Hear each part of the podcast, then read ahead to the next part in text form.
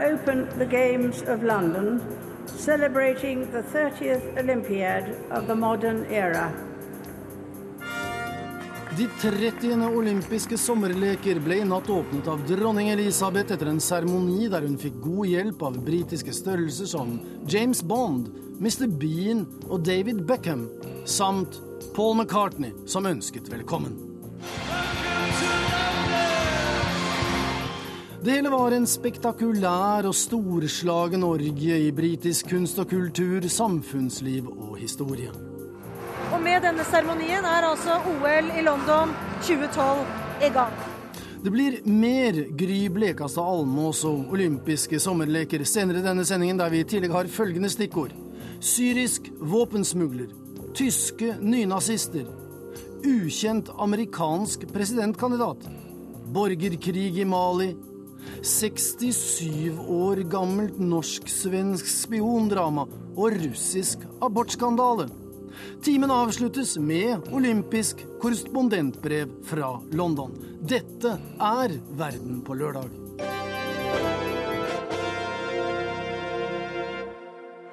Let us determine, all of us, all over the world, that London 2012 will see the very best of us.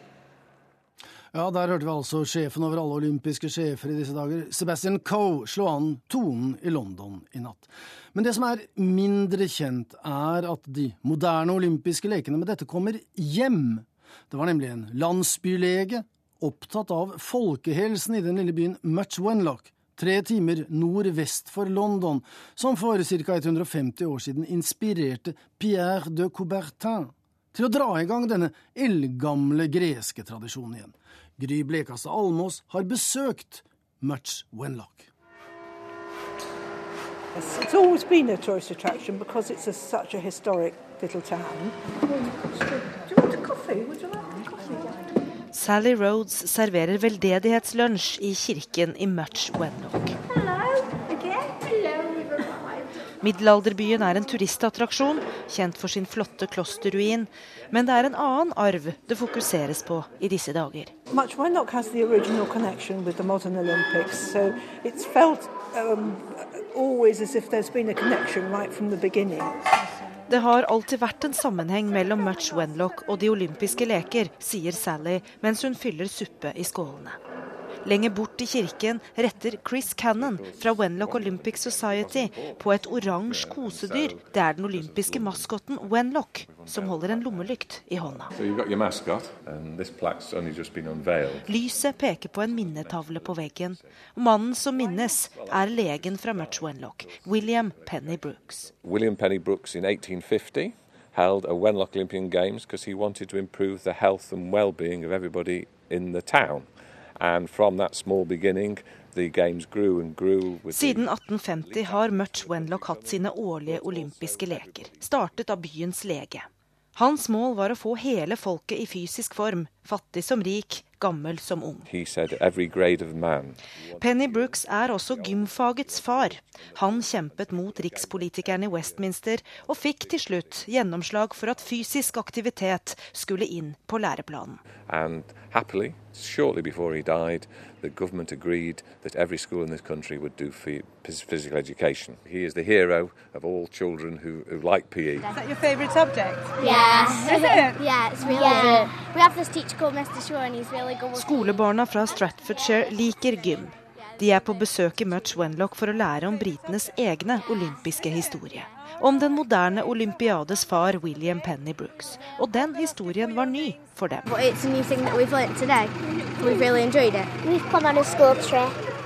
Faktisk, det er bare de siste årene at vi har liksom forstått hvor viktig det er sier Astrid James. Hun har bodd i Much Wenlock i 25 år, og har selv deltatt i Wenlocks lokale olympiske leker. I år, da lekene ble holdt for 126. gang, tok hun bronsemedalje i golf. Men det er bare nå de siste årene at vi har begynt å tenke var den store sammenhengen med de, med de offisielle olympiske leker. Under lekene her i juli var det flere nordmenn til stede. Norges olympiske museum på Lillehammer har denne sommeren en utstilling om Much Wenlock og Penny Brooks. Og Chris Cannon fra det lokale olympiske fellesskapet innser at de begynner å bli mer berømte ute enn de er hjemme. The world's press comes to see us, but everybody in the town I don't think always appreciates what a significant place he had. I mean, uh, the, the, mascot, obviously, for London 2012 is called Wenlock, the first mascot to have a story, and that uh, that has put us on the world stage, but also nationally and in the local area has put us on. Det at de 30. olympiske leker holdes i London i år, gjør at Much Wenlocks historie kommer for en dag. Penny Brooks arbeid med fysisk aktivitet førte franskmannen Pierre de Coubertin til byen. Der fikk han se de lokale olympiske lekene, og syntes det var en så god idé at han startet arbeidet med å stifte Den internasjonale olympiske komité, IOC, som ble en realitet i 1894. To år senere ble de første moderne olympiske sommerlekene holdt i Aten. Brooks fulfills the modern agenda. He talks about getting people out of the pubs, stopping drunkenness, uh, and uh, getting healthy, taking exercise every day. The things that we promote now. And London 2012 got the Games on the idea of inspiring another generation. Well, Brooks tried to inspire a generation from 1850. Very, very sadly, he died four months before the Games were first held in Athens in 1896. We thought red, white, and blue was getting a little tired. I kirken har de til årskomne damene byttet ut blomstene som er satt i en OL-fakkellignende vase ved minnetavlen over William Penny Brooks. Nå er det gult som skal inspirere en generasjon, som slagordet for London-lekene lyder, til å videreføre Brooks arv og ånd. Mer fysisk aktivitet for alle er jo ingen ukjent kamp i dag heller. Og Sally Rhodes ved suppekjelene gleder seg over det som skjer i London i år takket være det som startet i Much Wenlock for 162 år siden. Very excited. It's a, a huge opportunity for everybody, and I think the young people particularly are going to get a real benefit out of it, and are very excited about it. And it's nice to have the connection with Much Wenlock as well. Sa altså Sally Rhodes i Much Wenlock til vår korrespondent Gry Blekastad Almås. Men selv om Storbritannia påberoper seg farskapet til de moderne olympiske lekene, så er dette på et vis første gang London virkelig har sommerlekene, i hvert fall i etterkrigstiden og etter at det britiske imperiet ble avviklet. For da London hadde sommer-OL i 1908, så overtok verdensbyen arrangementet på kort varsel etter at den opprinnelige vertsbyen Roma måtte si nei på grunn av vulkanen Vesuvs utbrudd. Og da London virkelig fikk lekene i 1944, da ble de avlyst grunn av annen verdenskrig. Disse lekene kalles fremdeles de 13. sommerlekene. Men London ble kompensert og fikk de neste lekene som erstatning, og var reell arrangør av de 14. sommerlekene i 1948. London var da fremdeles sterkt preget av bombing og andre utfordringer enn idrettsarrangementer. Disse sommerlekene blir derfor kalt nøysomhetslekene. Ingen nye anlegg ble bygd, ei heller deltakerlandsby. De som skulle konkurrere om heder og ære, fikk tak over hodet der det var mulig å skaffe husvær. Det var en meget enkel åpningsseremoni, men ikke noe show. Sånn sett inngikk disse lekene i et samspill med sin samtid. Og dette er ditt felt, professor Matti Goksøyr ved Norges idrettshøgskole, der du arbeider ved seksjon for kultur og samfunn. Kan man si at ethvert olympisk arrangement, sommer som vinter, avspeiler den tiden og kanskje også det landet der lekene arrangeres, og som sådan kan ses på som et barometer på den rådende internasjonale politiske situasjonen mens lekene pågår? Ja, det kan en trygt si. Eh, I 48, som du nevnte, da var f.eks. ikke Tyskland invitert til å være med. De eh, tapersiden fra den andre verdenskrig med Tyskland i spissen kom jo ikke med før i 52 i Oslo og Helsingfors. Så eh, lekene har hele tiden avspeilet de tingene du antyder. Når Japan fikk OL i 1964 med Tokyo, så var det også en, en, måte å markere Japans inntreden i det internasjonale selskapet på. Og så videre. Altså, Korea arrangerte lekene i 88. Og ikke minst når Beijing hadde lekene sist gang, i 2008, så var det IOCs måte å, å prøve å være en spiller på den internasjonale arenaen på. Og inkludere Kina i det gode selskapet. Men du sier IOC, det er jo en engere krets av privatpersoner, det er de som bestemmer hvor lekene skal holdes. I den forstand så kan man kanskje si at London denne gang ikke er noe spesielt dristig eller spennende valg. Men som du sa, Beijing sist og, og Rio neste gang. Eh, det er det litt mer schwung over i forhold til de store spørsmål som demokrati og menneskerettigheter og fattigdomsbekjempelse og, og, og miljøvern. slik at den internasjonale debatten da blir faktisk preget av hvor lekene arrangeres? Ja, eh, en kan eh, se på det som en slags eh, inkluderingspolitikk fra IOCs side. En vil spre det de kaller den olympiske idé og den olympiske bevegelse til flest mulig land. Samtidig er det veldig dyrt å arrangere disse lekene. Så det er bare et, en engere krets med land som har rett og slett råd til det. Og det en eh, ser nå i nyere tid, det er jo at de såkalte BRIC-landene eh, melder seg på i eh, kampen om å få arrangere OL. Altså, Kina hadde lekene i 2008. Brasil skal arrangere lekene i Rio i 2016. India og Sør-Afrika har meldt sin interesse. Russland skal ha vinterlekene i Sotsji i 2014. Så det, den type land er veldig frempå akkurat nå. Du, en ting som er veldig karakteristisk ved leker, og, og, enda mer hver gang, det er sikkerhetsopplegget. Altså, man vil jo for enhver pris unngå uh, München 72 om igjen, da Svart september massakrerte israelske deltakere.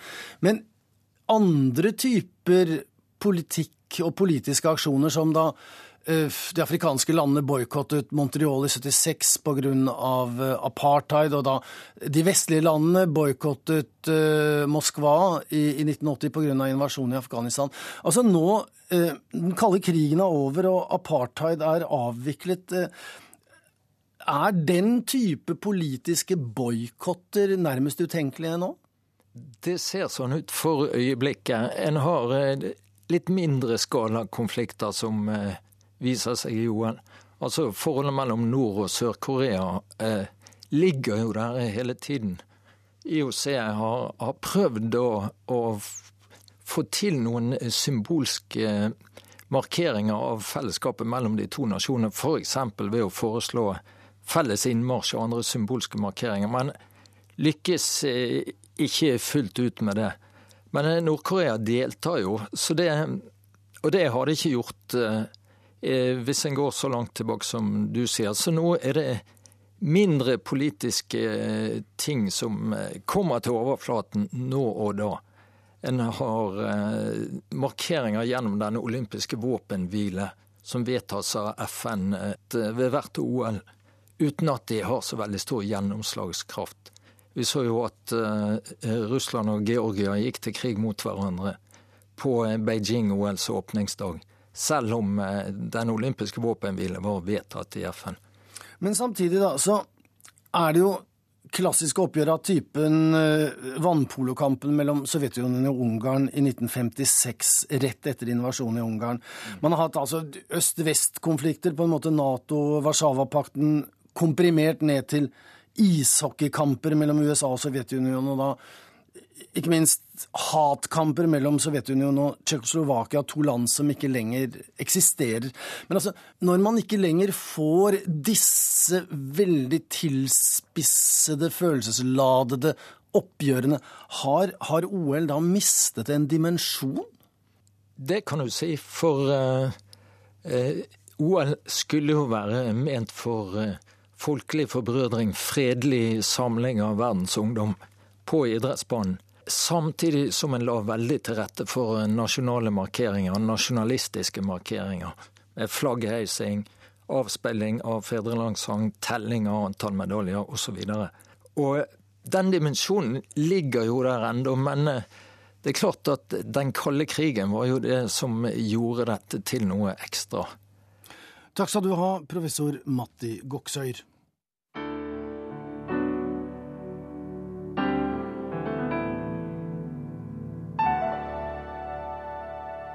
Som vi hørte i nyhetene for et drøyt kvarter siden, så forbereder partene i Syria seg nå til de kanskje avgjørende kampene i borgerkrigen, nemlig slaget om Aleppo.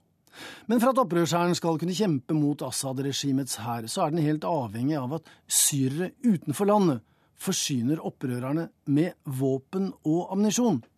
Vår reporter Sissel Wold har i grensetraktene mellom Tyrkia og Syria møtt en av våpensmuglerne.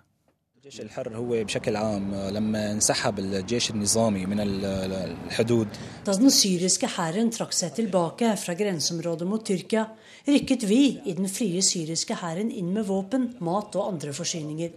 Og så hjalp vi syrere til å komme seg i trygghet over grensen hit til Tyrkia, sier Wahab Deiri. Han er 31 år gammel, holder til i byen Kilis ved grensen og han er fra Aleppo. Wahab frykter det verste denne helgen.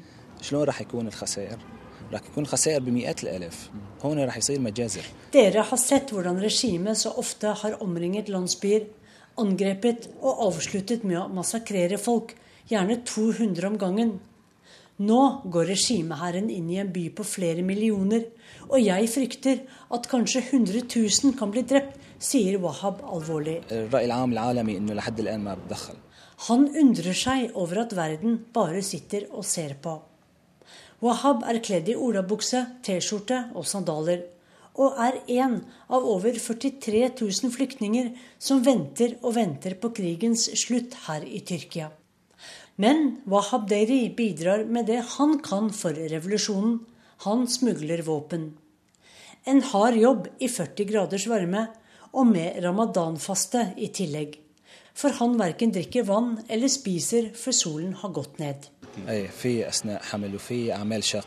Det er en hard jobb, ja. Mye bæring og mye gåing gjennom kratt og busker.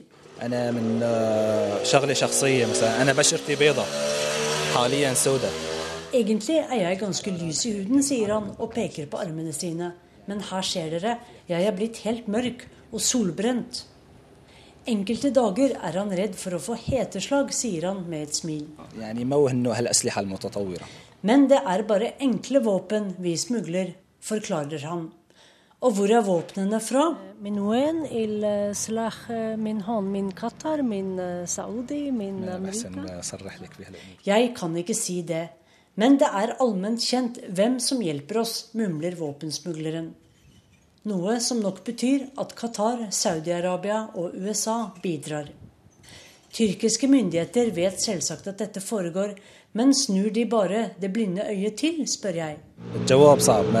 Ingen kommentar, sier han.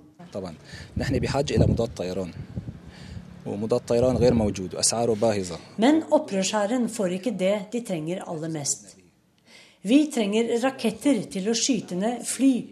Men de som gir oss våpen, vil ikke gi oss raketter, siden de er redde for at våpnene skal havne i hendene på salafister og andre ekstreme folk, sier Wahab til NRK. For to dager siden kom Wahab fra Aleppo med familien sin for å få dem i trygghet også. Byen, som er en av verdens eldste, er bare to timers kjøring fra der vi står. Jeg spør smugleren om han tror at det kommende slaget er et avgjørende i kampen mot regimet. كمعركة اقتصادية أكيد لأنه حلب هي عاصمة الاقتصاد السوري Det er ingen tvil om at slaget i Aleppo er avgjørende for kampen. For Aleppo er den økonomiske hovedstaden. Men det er Damaskus som er den militære hovedstaden. Og det er der det endelige slaget om Syria vil stå, mener Wahab Deiri. Han er en mann i sin beste alder. Så skulle han ønske at han var med i kampene om byen sin. والله يعني أنا بتمنى أكون مع مع الجيش الحر كحامل سلاح بس السلاح وحده ما بكفي يعني Jo, det skulle jeg ønske. Men å være kjempende soldat er ikke alt. Logistikken er vel så viktig. Og jeg som har jobbet i grenseområdet lenge, jeg kjenner alle smuglerrutene godt nå. Det sier den unge syreren som er handelsmann i det sivile liv. Et liv som fantes for mange evigheter siden. Sa Sissel Wold. Da skal vi til Russland og en særdeles grufull hendelse der. For utenfor byen Jekaterinburg ble det i en grøftekant denne uken oppdaget hundrevis av aborterte fostre. Funnet retter søkelyset mot Russlands aborttall, for det aborteres omtrent like mange fostre i landet i dag som det fødes barn. Tragedien, som nå etterforskes, ble oppdaget ved en ren tilfeldighet бочки. Ну, хотел их все взять, смотрит, там то, что младенцы маленькие. Jeg var bare på fisketur og gikk for å sanke ved da jeg fant disse tønnene med døde barn, forteller Maxim. Det uhyggelige synet møtte ham i en dyp veigrøft, hundrevis av aborterte fostre. Mange av dem åpenbart lenge etter tolvte uke lå slengt rundt i terrenget og i det høye gresset. Politiet tror nå at de blå plastikktønnene med aborterte fostre sprakk da tønnene bare ble lempet ned fra veien i den tre meter dype og brede grøften langs landeveien utenfor Jekaterinburg. Russisk politi jakter nå på sykehusene som på et så rått vis kvittet seg med de døde fostrene, for dette er et alvorlig brudd på russisk lov, sier kirurgiprofessor Jevgenij Kira ved det landskjente Piragov kirurgiske senter. Существуют руководящие документы, выпущенные Министерством здравоохранения, det foreligger jo instrukser fra helseministeriet om hvordan slike levninger skal behandles, og helseinstitusjonene er pålagt å ha kontrakter med krematorier eller på annet vis destruere aborterte fostre, sier kirurgiprofessoren ved det nasjonale senter Piragov. Jevgenij Kira er sjokkert over at russiske sykehus kan begå handlinger som innebærer en slik menneskeforakt. Russisk politi etterforsker nå også om de små ufødte døde barna ble utsatt for bruk i bioforskningen. For celler fra ufødte fostre vokser mye raskere enn i ferdig utviklede legemer. Så hvis dette har skjedd, så spørs det hvordan disse fostrene faktisk endte sine liv. Gynekolog Natalia Padolina forklarer hvilke forskningssektorer som potensielt kan gjøre ulovlig bruk av slike celler. Slike celler brukes i forskning rettet mot ulike former for kreft, og slike celler har også en videre anvendelse, forteller den russiske gynekologen. Men bortsett fra i India og Kina så råder det internasjonalt forbud mot bruk av celler fra aborterte fostre til forskningsformål, også her i Russland. Den russisk-ortodokse kirke slår etter dette funnet nå alarm, for årlig aborteres 1,5 millioner fostre her i Russland, og dette gjør Russland til abortland nummer én i verden. Prost Maksim Obukhov i den russisk-ortodokse kirke sier sjokkert etter funnet.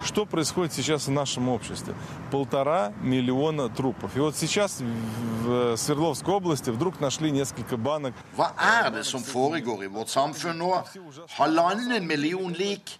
Og i Sverdlovsk fylke fant de nå bare noen tønner med disse levningene. Vi forferdes, men i virkeligheten er dette bare et bakteppe for våre liv.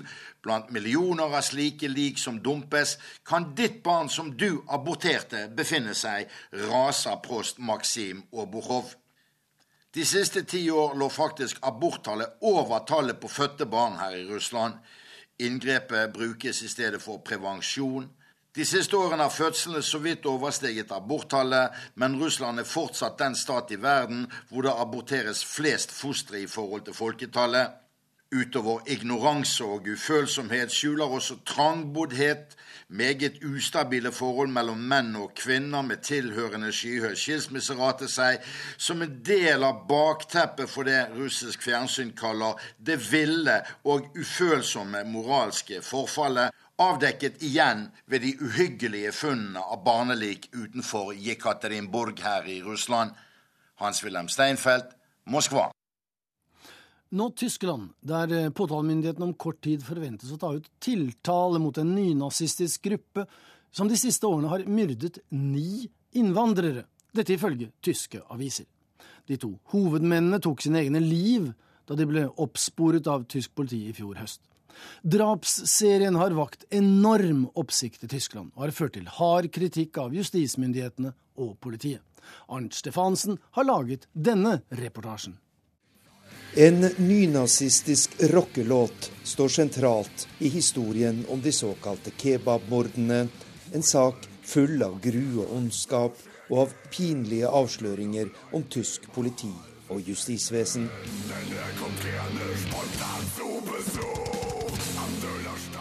Blant tyrkerne hersker angst og gru, og snart får de overraskende besøk, for ni drepte er ikke nok, lyder teksten i den uhyggelige nazirocken. Ugjerningene ble avslørt i november i fjor, da tysk politi jaktet på to nynazister etter et bankran. Da nynazistene ble omringet, tok de sitt eget liv og etterlot seg en video der de tilsto drapene på ni innvandrere og en tysk politikvinne.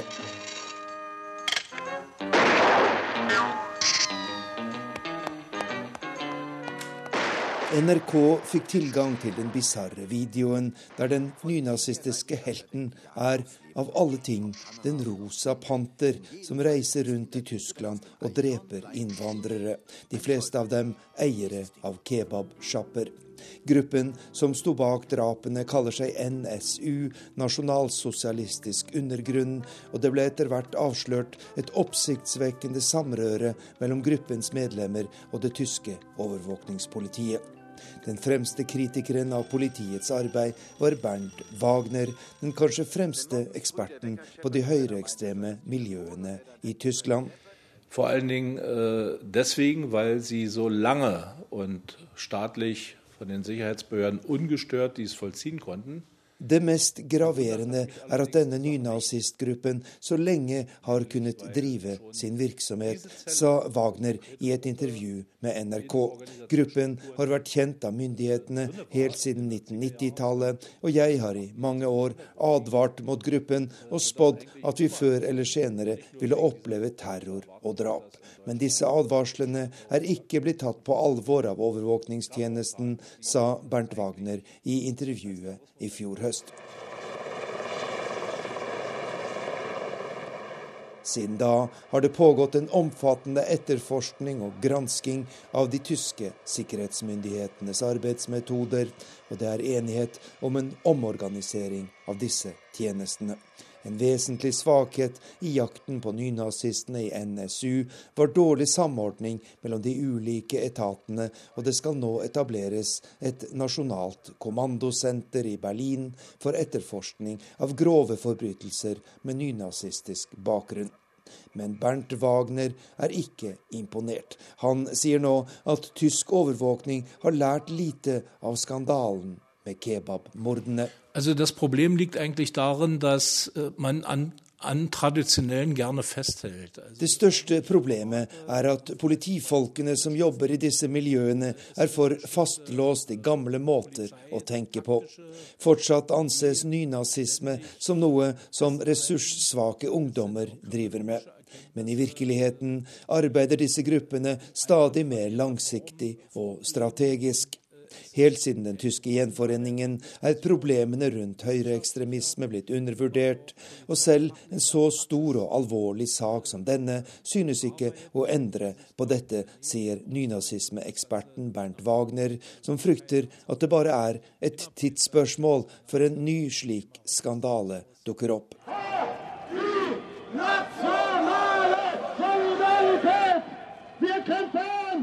Ifølge tyske myndigheter er det nå rundt 25 000 aktive nynazister og andre høyreekstreme i Tyskland. Det er færre enn på 1990-tallet, da nynazistene satte fyr på en rekke asylmottak og drepte mer enn 100 innvandrere. Men de siste årene er det klare tegn til at nynazistene igjen styrker seg i Tyskland, og dessverre har all oppmerksomheten rundt innvandrerdrapene gitt ekstremistene vann på mølla, sier Bernt Wagner. Altså, die NSU hat die Szene insgesamt eher bestärkt. Das heißt also, die ultraradikalen Kräfte innerhalb des Rechtsextremismus NSUs forbrytelser har vært en oppmuntring for tyske nynazister. De mest ekstreme og voldelige i disse miljøene ser drapene som en seier. Og selv om all oppmerksomheten rundt saken også skaper problemer for nynazistene, så er dette først og fremst et bevis på at staten er sårbar og kan overvinnes. Det styrker kampmoralen og troen på at individuell terror gir resultater, sier Bernt Wagner, tidligere politimann og en av de fremste kjennerne av de høyreekstreme miljøene i Tyskland. Det stunder mot presidentvalget i USA, og selv om det totalt sett er eh, et dusin kandidater, det eneste som er sikkert, er at enten så blir Barack Obama gjenvalgt, eller så blir Mitt Romney USAs 45. president. Men nesten like sikkert, den beste av de andre taperne blir De grønnes kandidat. Wenche Eriksen har laget dette portrettet av Jill Stein. Hi, I'm Jill Stein, candidate for president with the Green Party. I know many of you are really frustrated with the way things are going out there. People are losing their jobs and their homes and Jo da, det er den samme damen, hun som synger om revolusjon og den amerikanske drømmen som er gått opp i røyk. Og hun som, tilsynelatende uten kommunikasjonsrådgiveres hjelp, presenterer seg selv for velgerne. Og det er overhodet ikke rart om du ikke har hørt om henne, for det har heller ikke de fleste amerikanere. Jill Stein er 62 år gammel, lege og var inntil nokså nylig vokalist i et folkrockband i Massachusetts som kalte seg Somebody's Sister. Og nå er hun også amerikansk presidentkandidat for partiet De Grønne. Et parti som ligger langt under radaren til amerikanske medier og meningsmålingsinstitutter, et parti som frir til velgere på venstresiden som er skuffet over Barack Obama, og som mener at han og Mitt Romney er to sider av samme sak, begge i næringslivets hulehånd. I'm tired of diddling little compromises between Tweedledee and Tweedledum. I'm supporting Jill Stein, number one, because Obama has outbushed Bush. She has the passion, the program, and the guts to stand up for what the people really need. Barack Obama has disappointed in many, many ways. Many, many. Det er nok ønsketenkning akkurat det der at mange millioner mennesker kommer til å stemme på Jill Stein.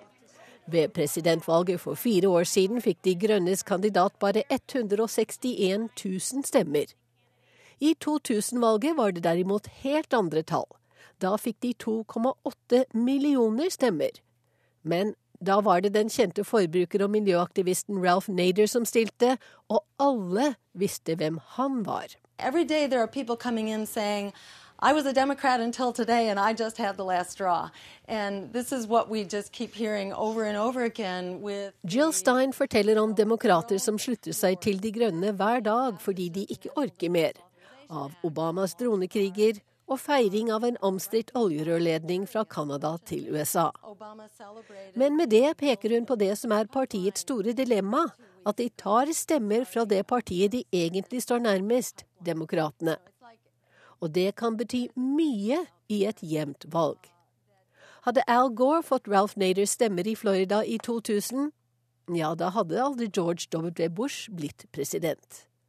Årets presidentvalg ser også ut til å bli svært jevnt, og noen få tusen, eller kanskje noen få hundre stemmer for Jill Stein kan i teorien være nok til å frarøve Obama seieren i en viktig vippestat, og dermed kanskje også gjenvalg. Oh, beautiful for spacious skies. Det er blitt litt inn for årets presidentkandidater å synge med den stemmen de har, på et valgmøte. Mitt Romney, som vi hører her, var nok ikke like heldig i sin opptreden som Barack Obama.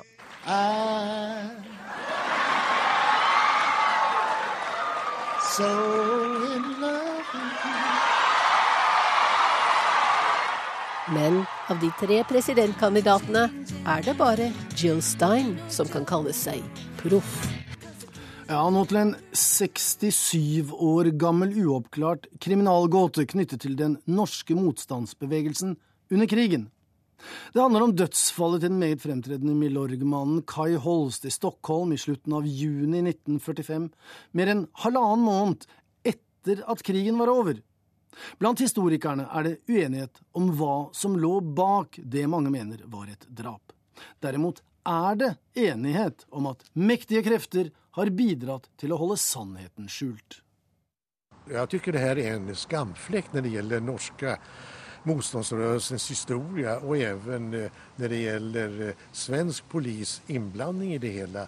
Lokket lades jo på i Norge mener journalisten og historikeren Gøran Elgemyr. Han har interessert seg for Kai Holst-saken i mange tiår og laget flere radioprogrammer om dem. Nå kommer han snart med en ny bok om saken. Vi står utenfor Rindøgaten 42 i bydelen Gjerdet i Stockholm. Det var høyt oppe i trappeoppgangen i denne leiegården motstandsmannen Kai Holst ble funnet, skutt i hodet og drept om morgenen den 27. juni 1945. Det er slått fast at Kai Holst kom til Rindøgaten 42 seint på natta den 27. juni. Men hva skjedde så? Gøran Elgemyr har noe av svaret. Han ringte på porttelefonen til en svensk som heter Holger Aresson, som han kjente seg tidligere. Og uh, Aresson uh, trodde at det var städerskan som kom. Han sov jo, klokka var jo etter efter tre på natten. Så han trykte på knappen og på så sett kom eh, Kai Holst inn. Og jeg tycker det er fullkomligt uteslutet at eh, Holst skulle oppsøke Rindegata 42 og begå selvmord oppe i vinstkontoret her. Den videre utviklingen dagen etter var enda mer underlig, mener Gøran Elgemyr. Portvakterskan som, som fant Holst alarmerer givetvis polisen på en gang, og de kommer hit, de er her før halv ti. Straks efter så kommer eh, poliskommissarien Nils Fallander hit. Det påstås at det gjordes en teknisk undersøkning, men i polisakten finns det inga fotografier, finns inga teckningar på hur eh, liket låg i förhållande till saker och ting där uppe. Det finns ingenting om Holls bakgrund. Er ikke det bemerkelsesverdig? Det er mye, mye. Det er et brott imot regelboken helt enkelt. Därför att det skal vid denne tid göra, tas fotografier, det skal gjøres teckningar. Nils Wallander visste mye vel hvem Kai Holst var. Därför att Falander Fallander hadde tidligere vært innom Säkerhetspolisen, sen kom han over til Kriminalpolisen. Dessutom så fann de ju eh, Kai Holst pass og det visade ju at han hadde diplomatisk status. Fra første stund ble det lagt fullstendig lokk på Kai Holsts mystiske dødsfall. Gøran Elgemyr mener å vite hvor ordren kom fra, nemlig fra den norske legasjonen, Norges representasjon i Stockholm under krigen. Legasjonen vil fra første begynnelse få det til at det var et selvmord. De kan ha forstått at Kai Holst ble drept, ble myrdet av sine egne, av nordmenn. De kan også ha forstått hvilket motiv som lå bakom. Og det her var såpass kontroversielt at det her fikk ikke komme ut, helt enkelt. Du lanserer jo teorien nå om at Kai Holst kanskje ble drept av sine egne, av nordmenn. Hva bygger du det på? Eh, Kai Holst syslet med når han, eh, eh, ved denne tiden, det var jo å avvikle eh, de her ulike depåene ut med eh, grensen til Norge. Han kan naturligvis ha kommet på eh, økonomiske uegentligheter det finns ett annat motiv och det är att eh, Kai Holst hade som uppgift bland annat att eh, bedriva kontraspionage mot norska kommunister. Det kan ju också där finnas ett eh, mordmotiv. Men vad Holst sysslade med i övrigt, det var vapenhandel. Men det fanns en illegal handel med vapen här i Stockholm. Och där var Kai Holst fullt sysselsatt. Og det har kommet fram eh, enda mer i, i Säpo-arkivet. Så der kan det også ligge noen spor som kan være interessante? Ja, det kan også finnes et uh, mordmotiv, naturligvis. Derimot ser Gøran Helgemyr nærmest bort fra en teori som tidligere er lansert av norske historikere og forfattere, nemlig at Kai Holst ble offer for et svensk-tysk-amerikansk komplott. Teorien går ut på at Holst visste for mye om det såkalte Lillehammer-kuppet, der tyske etterretningsoffiserer i Norge i mai 1945 fikk fritt leide til Sverige og deretter utlevert til amerikanerne, mot at svenskene fikk tilgang til tyske etterretningshemmeligheter bak ryggen på nordmenn og briter. Jeg trodde jo veldig mye på det når jeg gjorde program 1992, men jeg tviler endog altså at eh, Holt skulle ha fått vite det. Det forklarer ikke hans beteende under den natten da han eh, ble mördat. Eller, det henger ikke ihop riktig, faktisk. Og eh, det er mulig at eh, kanskje C-byrån, vår spionbyrå, hemliga spionbyrå under kriget, de kan jo også ha kjent til at det skjedde noe denne natten. Så at vi skal ikke utesluta eh, svensk eh, underrättelsetjänst helt og holdet. Etter årelang gransking i tidligere hemmeligstemplet etterretningsmateriale i både Sverige og Norge, mener Gøran Elgemyr at det nå, 67 år etter, praktisk talt er umulig å slå fast hvem som tok livet av Kai Holst. Men han mener å vite hvem som var ansvarlig for at lokket til de grader ble lagt på, og den påfallende stillheten omkring Kai Holst-saken som fulgte. Når det gjelder tystnaden, så tror jeg fortsatt at eh, Jens Christian Hauge, som var Milorg-sjef, han, jeg tror fortsatt at han satt inne med hemmeligheten, men tok det med seg i graven for noen år siden. Jeg tror at det var han, og den makten hadde han, som lå bakom tystnaden. Sa den svenske journalisten og historikeren Gøran Elgemyr. Også i Norge er det planlagt nye bokutgivelser om Kai Holst-mysteriet. I tillegg så blir det nå laget en dokumentarfilm som skal vises både i NRK og på svensk TV. Vi kan også ta med at Kai Holst ble hedret post mortem for såkalt brave conduct av den britiske statsministeren Clement Attlee i 1950. Og reporter i dette innslaget, det var Kjell Pilstrøm.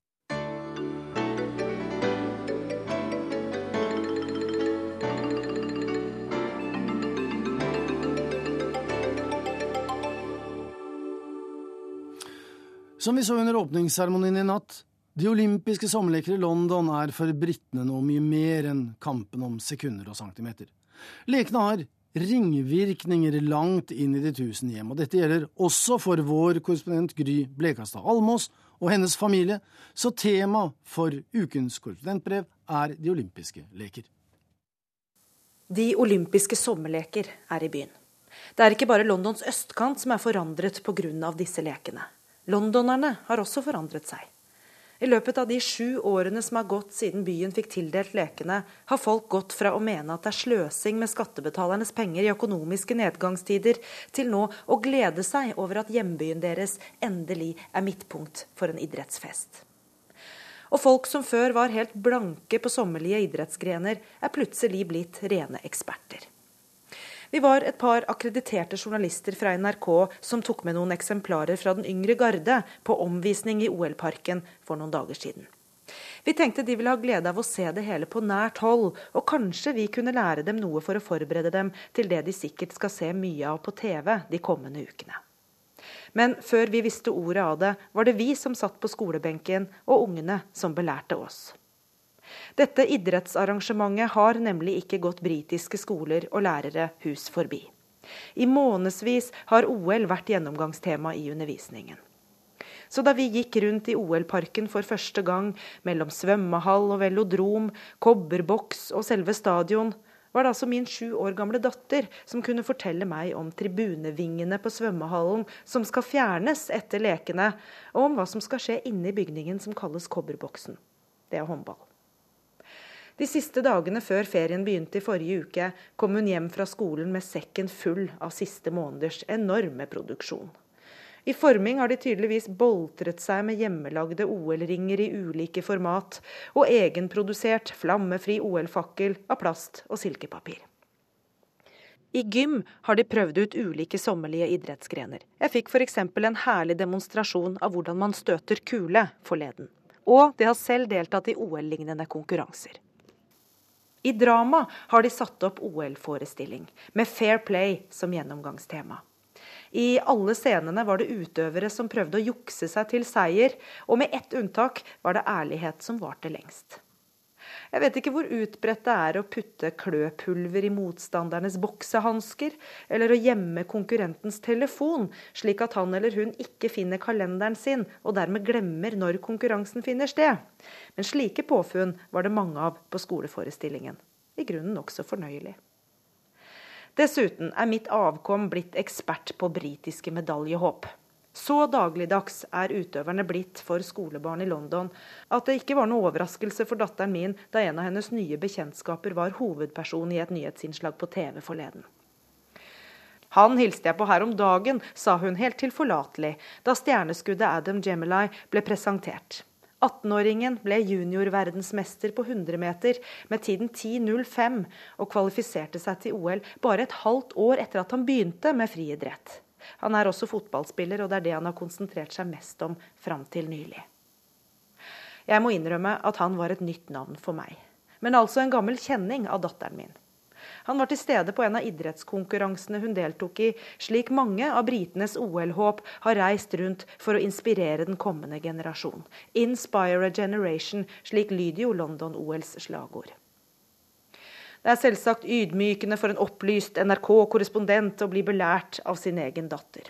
Derfor føltes det godt å vinne kunnskapskrangelen vi hadde om britenes største OL-profil, Jessica Ennis. Hun pryder store plakater rundt om i byen. Hun omtales i aviser og magasiner, og er den utøveren som får desidert mest oppmerksomhet i britiske medier. Fordi hun er ung, pen, sunn, flerkulturell og med gode holdninger, lyder forklaringen fra en britisk journalistkollega. Men krangelen gikk altså på hvilken idrett hun egentlig utøver. Sjuåringen insisterte på at det var femkamp, men hallo, her visste jo jeg bedre. Vi snakker om sjukamp, ikke fem. Datteren sto like fast på at det var femkamp, og kanskje er ikke det så rart, selv om jeg ikke innrømmet det i kampens hete. Heptathlon, som det heter på engelsk, er utledet fra det greske tallet hepta, som betyr sju. Men eh, skolen har nok hatt mer fokus på at de olympiske leker i år skal være i London, på deres hjemmebane, enn på den greske opprinnelsen til lekene og betydningen av ord som heptathlon. Så der tok jeg innersvingen på den OL-allvitende datteren min, ja. Briter overgår nordmenn i å klage. Alt er galt. Men nå begynner folk å bli lei av medienes negative vinkling på lekene. Det ligger jo i oss nyhetsjournalister at vi leter etter det kritikkverdige. Vi skal være vaktbikkjer og påse at alt går etter planen, og at planen er som den bør. Derfor har det vært svært mange og svært store oppslag om sikkerhetssvikt, om trafikkaos, om krangel og problemer rundt åpningsseremonien, for ikke å snakke om krisemaksimeringen rundt været. Det har nemlig regnet i Storbritannia omtrent kontinuerlig siden mars. Og en storavis som The Times ble til slutt så lei at den startet en kampanje for å få bedre vær til OL. Med lederartikkel som forlangte en granskning, en Weathergate av typen Murdoch-gate eller Watergate. Kanskje det kunne føre til noens avgang. La hodene rulle. De vil visst at vi skal mislike disse lekene, sa en entusiastisk programleder fra en av Londons radiostasjoner da vi møtte ham forleden. Men jeg gleder meg, og alle vennene mine gleder seg. Alle ekte mennesker gjør det, påsto han. Selv ikke terrortrusselen bekymret. Han tar fram det gamle ordtaket fra andre verdenskrig, 'keep calm and carry on', og oppfordrer alle andre til å gjøre det samme. Nå er altså det hele i gang sju år etter at London fikk lekene tildelt. På den positive siden har dette ført til en sårt trengt oppussing av storbyens nedslitte områder. Tusener har hatt arbeid i disse årene som ellers kunne ha gått ledige. Det er bygd nye tog og T-banestasjoner. London har til og med fått sin egen taubane over Themsen. Kulturlivet blomstrer også utenfor hovedstaden. På steder der kulturarrangementer er fraværende, har Den kulturelle olympiade sørget for underholdning og ettertanke. Og i uker framover samles hele det britiske folk og verden for øvrig om en ellevill idrettsfest i deres midte. På det negative regnskap står selvsagt prisen. Dette koster skattebetalerne over 9 milliarder pund, eller 90 milliarder kroner, minst. Boligprisene har økt på østkanten av byen, noe som tvinger de med minst penger ut av London. Terrortrusselen øker. OL er et spektakulært mål for de som vil andre vondt. Og byen er blitt så full av mennesker at det nesten er umulig å bevege seg rundt. Mange som jobber i sentrum, har tatt seg fri eller jobber hjemmefra for å unngå kaoset. Og det kanskje verste av alt, David Beckham ble vraket fra britenes fotballag. Beckham, som var mannen som kjempet London til seier og sørget for at London vant arrangementet i 2005. Beckham, som reklamerer for hjembyen sin og dens hemmelige perler, og tiltrekker seg turister og inntekter. Beckham, som tok OL-fakkelen trygt med seg fra Aten til sørspissen av England, og markerte at nå er det hele i gang.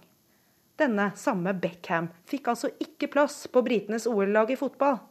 Reglene tillater bare tre spillere over 23 år å være med, men her valgte de altså andre spillere framfor denne perfekte rollemodellen som har brukt sju år av sitt liv på å tale Londons sak. Hvem bryr seg vel da om fotballferdighetene? Ikke rart det ble ropt om skandale. Nå er altså forestillingen i gang. Personlig venter jeg på høydepunkter av typen kløpulver, enten i boksehansker eller andre steder. Doping er for kjedelig, det har vi sett før. Nei, la oss få noe kreativt. Noe som ligner det en gjennomsnittlig skoleelev og hennes klassevenninner finner på til en skoleforestilling på en barneskole i London sommeren 2012.